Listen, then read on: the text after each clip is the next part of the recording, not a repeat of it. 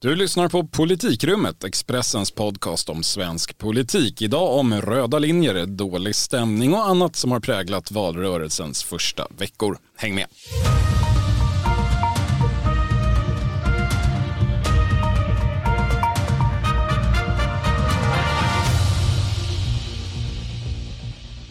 Det är torsdag den 18 augusti och dags för höstens första sammanträde i Politikrummet. Idag med mig Viktor Bartkron och med dig Helena Gissén. Ja, hej. Trevligt att vara tillbaka, eller hur? Ja, verkligen. Det är äntligen, säger jag. Nu känns det ju dessutom på allvar faktiskt att valrörelsen är igång, eller hur? Ja, eh, nu kanske ni där ute blir lite förvånade och tänker att hallå, är inte Politikrummet en tisdagspodd? Eh, och det är den förstås, egentligen. Det här är ett undantag och det kommer sig av att du och jag, Helena, ägnade tisdagen åt andra saker, nämligen att leda Expressens partiledardebatt. Det var ju också roligt, eller hur? Ja, det var ju helt fantastiskt. Det var ett, verkligen ett hedersuppdrag. Inte precis kanske det lättaste man har gjort som journalist eller hur? Men eh, Nej. väldigt roligt och ännu roligare efteråt kunde jag känna den kvällen. ja, alltså en tanke som slog mig där under dagen och det är ju att ja, det var ju lite tufft att leda debatten men det är inget lätt jobb att vara partiledare heller, särskilt inte i valrörelsetid. Alltså jag kände mig själv rätt slut den kvällen och faktiskt även dagen efteråt. Men ja, vi hade ju ändå repat hela dagen och bara haft några timmars eh, vila på eftermiddagen. Men däremot hade jag ju inte som Magdalena Andersson gjort studiebesök ihop med Tysklands förbundskansler samma morgon, simtränat på lunchen och skött lite statsangelägenheter under eftermiddagen. Morgonen efter tog jag dessutom lite sovmorgon. Det gjorde inte Annie Lööf. Hon tillbringade istället tre timmar hos Sveriges Radio med start i Ekots partiledarförhör klockan sju. Alltså man får viss respekt för liksom både den mentala och rent fysiska prestationen i det här. Jag brukar säga att partiledare de är ju av ett särskilt virke och eh, alltså det är ju ett oomtvistligt faktum. Nu jobbar de väl sju dagar i rad i veckan eh, i en hel månad under valrörelsen här, oftast just från tidig morgon till sen kväll. Och dessutom påstår de att valrörelsen är det absolut bästa som finns. Så att de är ju av en helt unik sort. Det, ja, det hade väl varit en sak om de hade varit på retreat i elva månader innan, men det är inte riktigt så som svensk politik fungerar nu för tiden. Eh, det här är ju det första sammanträdet i politikrummet för säsongen, så vi har en del trådar att dra i här från valrörelsens inledning och bland annat från just eh, vår debatt och den som var igår som Aftonbladet hade. Eh, vi ska strax gå över till dem. Den här veckan började ju ändå med en riktigt stor nyhet som rörde Centerpartiet. För er som lyssnar på Politikrummet sedan länge så var det här inte riktigt en nyhet. Jag ska nu korsa anständighetens gräns och spela upp ett klipp med mig själv från den 21 december förra året när vi satt just här och gjorde framtidsprognoser för 2022. Håll i nu. Jag börjar. Följande blir en viktig händelse 2022. Någon gång under sommaren, antingen runt Almedalsveckan i den mån den blir av eller i upptakten till själva valrörelsen, så går Centerpartiet trots allt ut med att man kommer att stötta Magdalena Andersson som statsminister efter valet. Det gör man väldigt motvilligt, ursäkta, eftersom man därmed formellt blir en del av vänsterblocket i svensk politik, åtminstone i valet 2022. Men man gör det med ryggen mot väggen eftersom en serie opinionsmätningar har visat att valet annars kan bli en rysare eftersom man förlorar så in i helsike mycket väljare till Socialdemokraterna. Ja, huvudet på spiken, det får man ändå medge. Jag har egentligen inte så mycket att tillägga rent analytiskt här, mer än att det inte ska bli en vana att citera mig själv på det här viset. Du är faktiskt ursäktad. Trevligt, eh, tack. Eh, vi kanske ska gå över till exakt vad eh, Annie Lööf faktiskt har sagt i nutid då och hur det togs emot. Det har ju som sagt minst sagt präglat den här första riktigt heta valrörelseveckan, Helena. Ja, men absolut. Och det där var ju då en intervju med Dagens Nyheter i måndags var det väl, där Annie Lööf deklarerade deklarerade att eh, Magdalena Andersson är hennes statsministerkandidat och att Annie Lööf då är beredd att sätta sig i en S-ledd regering. Och varför just nu då? Ja, det är väl en rimlig gissning då att hon vill försöka hejda väljartappet. Nu har de i och för sig ökat lite grann här på sistone, har sett i någon I vissa mätning. mätningar, ja. men det, det, pekar åt lite olika håll. Ja, precis, men de har ju varit nere på 5-6 procent nu på senare tid, Centerpartiet, och det är ju lite katastrof. Många av hennes väljare tror man ju, eller vet man, har gått till Socialdemokraterna sen Magdalena Andersson tog över som partiledare och statsminister. Och nu tänker väl Annie Lööf då att det kanske kan vara lockande för några av dem som har svikit Centerpartiet att ändå lova lite borgerliga inslag i en socialdemokratisk regering. Ja, den, man vet ju då att eh, den centerpartistiska väljarkåren föredrar Magdalena Andersson och, och, man har sett negativa effekter när man till exempel inte stödde regeringens budget tidigare. Så det här låg ju, det är, säll, ja, det är sällan man ser någonting ligga så mycket i farans riktning man säger, som, som detta.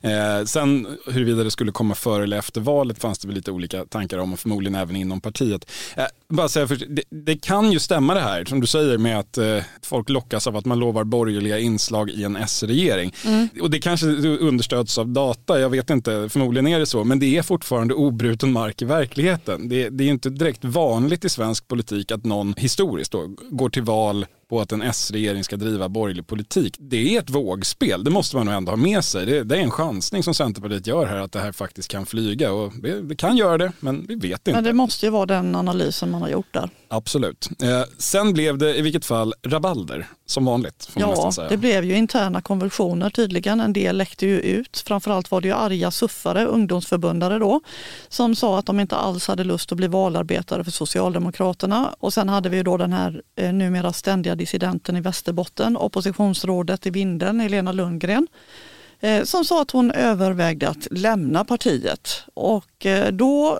när det blev halabalå så gick det tydligen ut ett krismail i partiet om att det här egentligen inte var något nytt överhuvudtaget och att Annie Lööf absolut inte går till val ihop med Magdalena Andersson och att dörren är lika öppen till Moderaterna om de bara gör slut med Sverigedemokraterna. Ja, det där har vi hört förr. Alltså förmildrande ordmassor brukar ju vara, komma med nya centerbesked och så var det ju minst sagt även den här gången. Men budskapet som man helt medvetet gick fram för att skicka ut, det var ändå tydligt och signalen gick fram.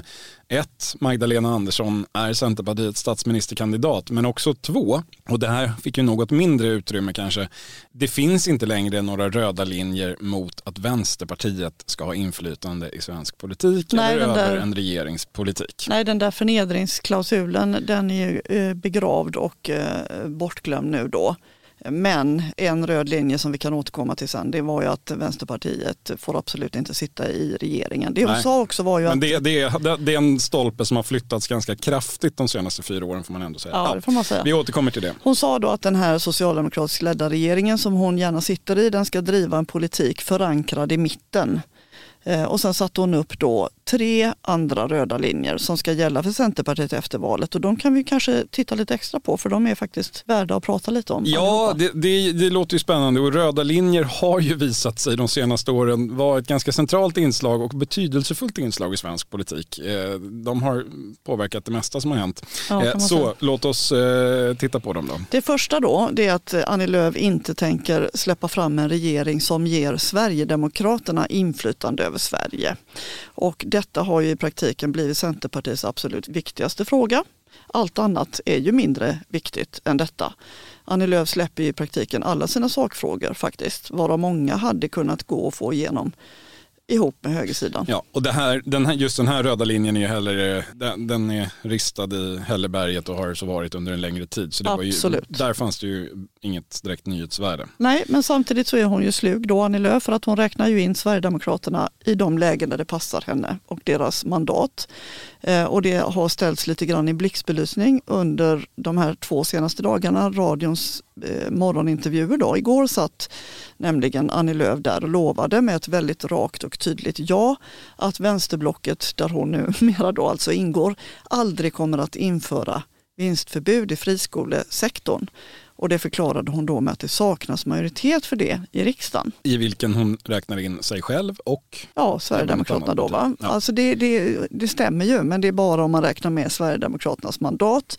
För utan dem så är det nämligen helt jämnt i riksdagen mellan å ena sidan V, S, MP och å andra sidan de gamla allianspartierna M, C, KD och L. Det är 143 lika just nu då i alla fall. Och alltså vill Annie Lööf stoppa vinstförbud i skolsektorn tillsammans med Jimmy Åkesson. Ja, och det där har ju varit en eh, kreativ, eh, kreativt räknesätt som man använt sig av tidigare, bland annat under utformningen av januariavtalet. Men vad har vi fått för reaktioner på just det där då? Ja, Nooshi Dadgostar hon menar ju nu då att om Centerpartiet vill ingå i Magdalena Anderssons regeringsunderlag, då får det bli en förhandling och då får Löv vara beredd att backa i frågor som de tre andra partierna prioriterar, som till exempel just vinstförbud i skolan. Det är ju Socialdemokraternas och Vänsterpartiets kanske viktigaste fråga. Och man får väl ändå ge Nooshi Dadgostar en poäng där i att eh, någon form av praxis brukar ju vara att om fyra partier, tre eller fem eller åtta eller hur många de nu är, bildar en majoritet tillsammans då är det den majoriteten man utgår från eh, och där kompromisserna sluts. Man räknar inte in folk som inte ingår i den styrande majoriteten. Nej, får man, man, får ju göra upp sinsemellan då. Man kan inte hela tiden när det passar en hålla på och snegla över, över blockgränsen. Fast det där är ju då bara en praxis. Det är ju inget som hindrar att man försöker, vilket ju Annie Lööf uppenbarligen tänker göra. Ja. Än en gång, slutsats av detta då? Ja, det finns en viss flexibilitet i Centerpartiets motstånd mot Sverigedemokraterna. Hon kan eh, tänka sig att hota med deras mandat även när hon så småningom ingår i en sån här S-ledd regering. Då. Behöver hon Sverigedemokraternas mandat i en fråga som är tillräckligt viktig så använder hon dem.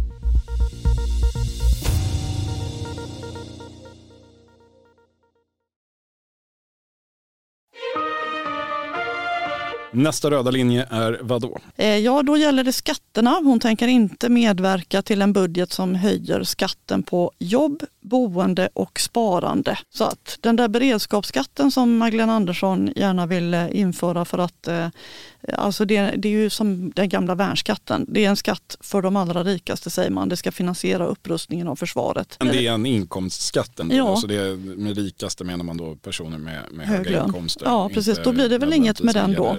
då. Då får man ju anta att hon sätter stopp för den. Och det blir heller ingen fastighetsskatt, ingen skatt på boende ju, trots att högersidan ju hela tiden anklagar vänstern för att ha en dold agenda som går ut på att återinföra just fastighetsskatten. Och i vissa fall en öppen agenda som i Vänsterpartiets och Miljöpartiets fall. Ja, precis. Och sen blir det då heller ingen höjd skatt på till exempel ISK-konton, vilket ju annars Magdalena Andersson tidigare har pratat om men fått backa efter en stor kritikstorm. Jag vill säga, sparande är ju eh, en ganska vag definition kan man inte, alltså alla former av kapital kan ju eh, i någon mån och med lite god vilja beskrivas som ett sparande.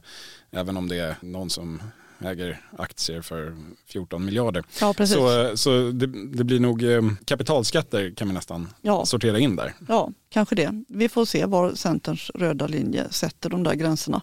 Men i alla fall, eh, sen är det ju värt att notera då att Företagarpartiet Centerpartiet inte har någon röd linje mot höjd skatt på företagande. Det är oväntat minst sagt. Mm. Visserligen har ju Socialdemokraterna just nu, inte vad jag vet i alla fall, några planer på höjd skatt på företagande. Men både Vänsterpartiet och Miljöpartiet är varma anhängare av höjda skatter både på kapital och företagande. Och Magdalena Andersson har ju tidigare till exempel i den där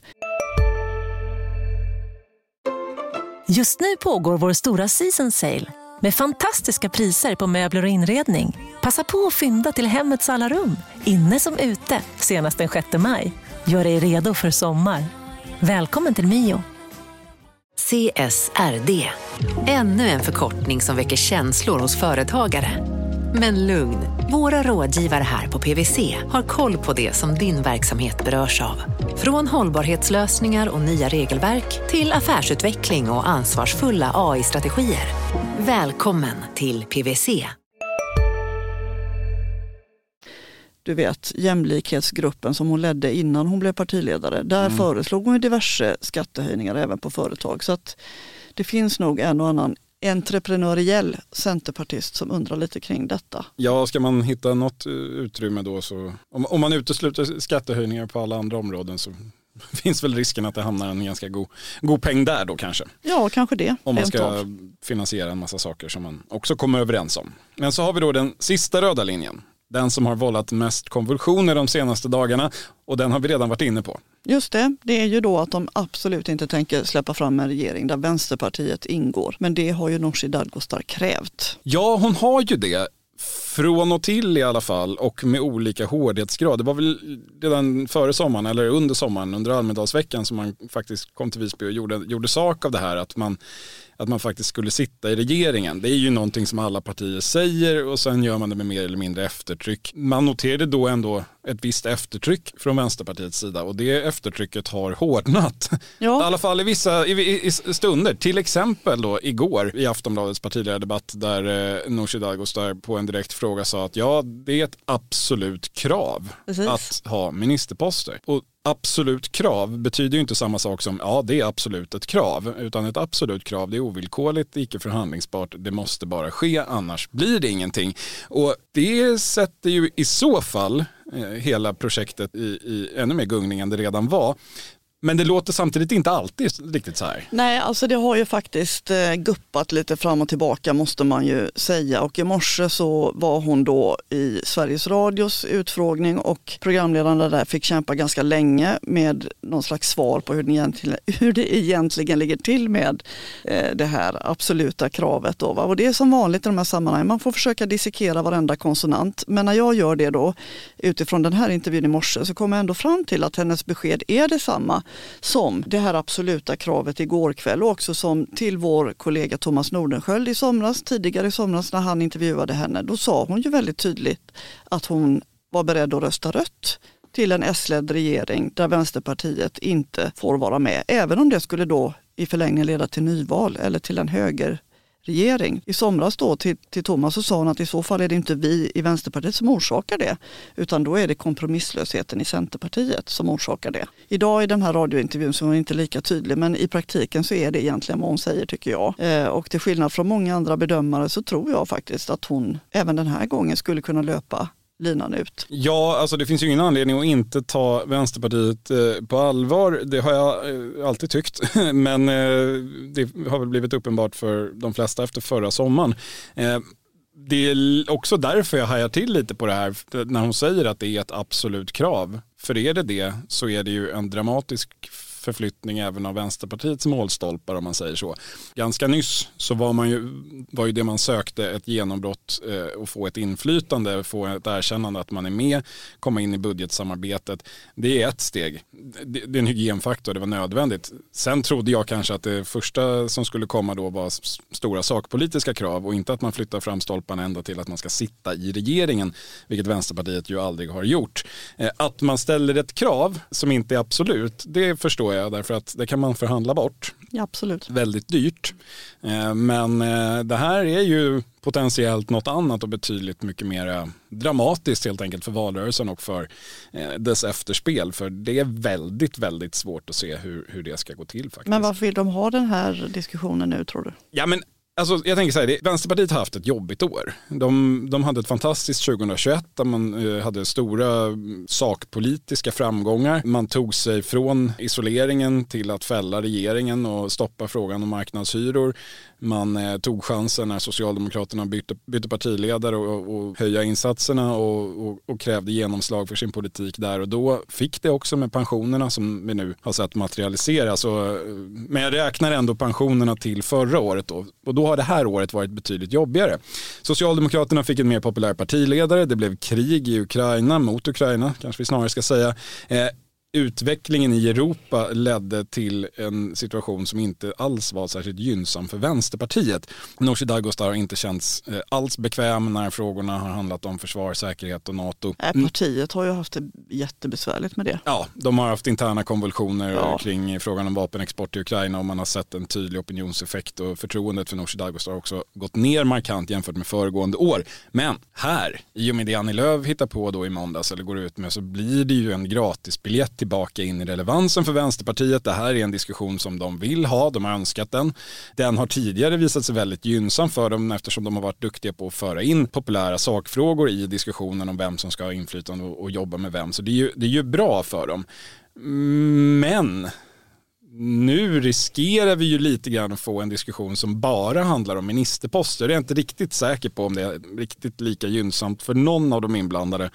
Man skulle ju kunna tänka sig en annan linje. Och jag utesluter inte att de hamnar där. Att Vänsterpartiet accepterar att bara få ett väldigt omfattande samarbete med stort sakpolitiskt genomslag och kanske då ställer ett motkrav om att Centerpartiet minsann inte heller ska få sitta i regeringen. Jag säger inte att det är så det kommer sluta, men det skulle kunna sluta det. Eller? Kanske. Ja, men man får väl lita på dig nu när du gör sådana här olika profetior känner jag. men eh, det skulle inte vara så dumt för Socialdemokraterna som väl gärna fortsätter utan en massa småpartier i släptåg. Kanske så. Först dock så ska de ju lyckas kravla sig över 50 strecket de här fyra partierna som, som på något sätt ska samarbeta eller inte samarbeta med varandra. Och det ser väl för första gången lite motigt ut. Ja, det är ju väldigt jämnt. Alltså, vissa mätningar så leder ju vänsterblocket, i andra mätningar leder högerblocket. Så är det ju. Men ja, det... och den här eh, situationen som har uppstått då med, med de här eh, oklarheterna som ju egentligen har funnits hela tiden men som har hamnat i strålkastarljuset här de senaste dagarna. Jag tycker den, de debatter som har hållits, där har det här blivit väldigt påtagligt på ett sätt som jag faktiskt inte tror är särskilt gynnsamt för de rödgröna. Nej. Det... det trodde de kanske inte riktigt. Alltså de kanske inte trodde att, eh, att högersidan skulle gynna så mycket av att gå fram med det här argumentet att de är en enighet som de har gjort. Nej, det är ju, det är ju flera, eh, det, det, det är två egentligen. Dels har, har liksom låsningarna på den rödgröna sidan blivit mer akuta än vad man kanske hade sett framför sig i och med de här utspelen som har kommit de senaste dagarna. Och sen är ju samordningen på högersidan är ju större än vad de flesta har trott. Alltså man tittar på de här debatterna så eh, Ulf Kristersson det går inte en replik utan att han pratar om min sida i politiken och alla står och nickar. Ebba Busch hon förklarar till och med vad Jimmy Åkesson menar när han bluddrar lite. Eh, Jimmy Åkesson som för bara några år sedan stod och rasade mot sjuklöven, han står och nickar inkännande när Johan Persson, gamla folkpartisten, pratar. Alltså, man kan visserligen undra hur länge det håller men mm. det, har ju, det, det, blir en dynamik i de här debatterna som är ganska speciell. Ja, tänk det, det här berömmet som Ulf Kristersson gjorde av Sverigedemokraternas migrationspolitik. Han sa att de har varit väldigt tålmodiga och i hård motvind så har de stått upp för att eh, man inte kan ha ökad migration eh, med dålig integration eller hur han uttryckte det. Han sa ju detta i Almedalstalet, det kunde ha varit en testballong då av engångskaraktär. Jag hade nog gissat att han inte skulle upprepa det med tanke på priset som han fick betala i form av utskällningar här och var, ganska rejäla sådana.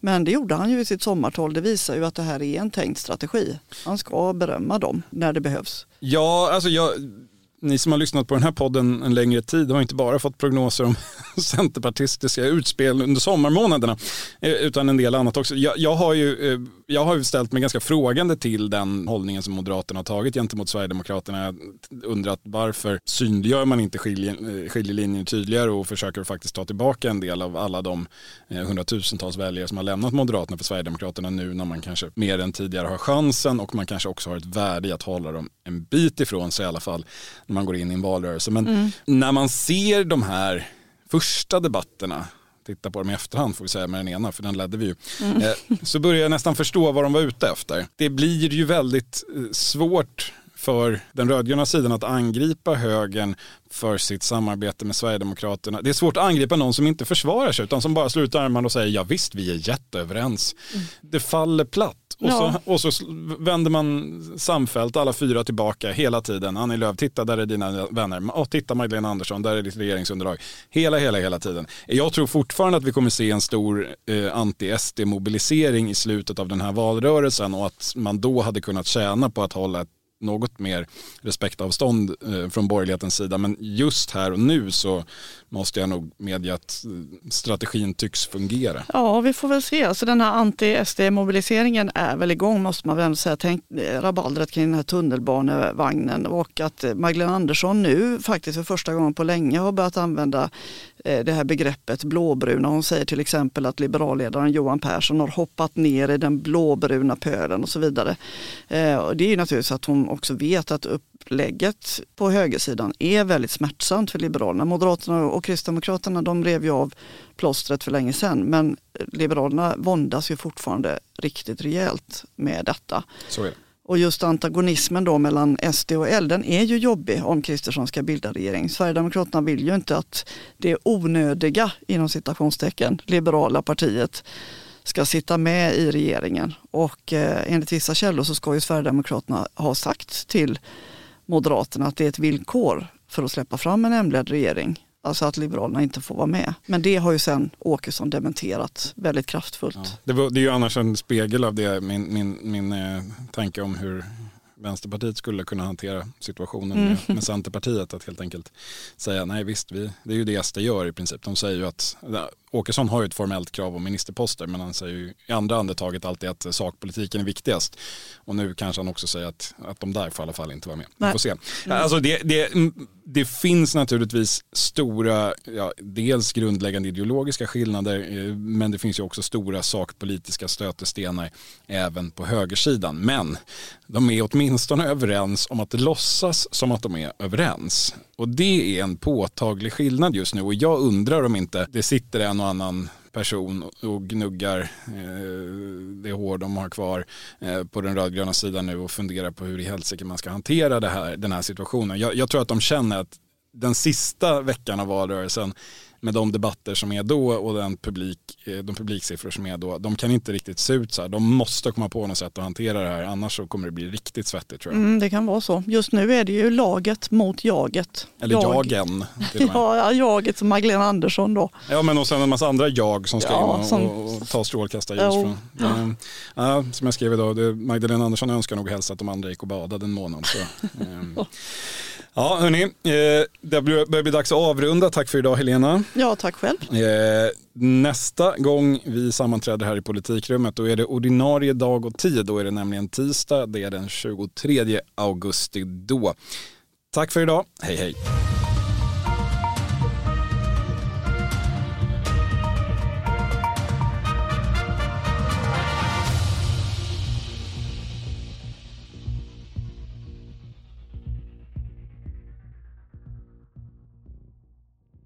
Du har lyssnat på en podcast från Expressen. Ansvarig utgivare Klas Granström. Hej, Synoptik här.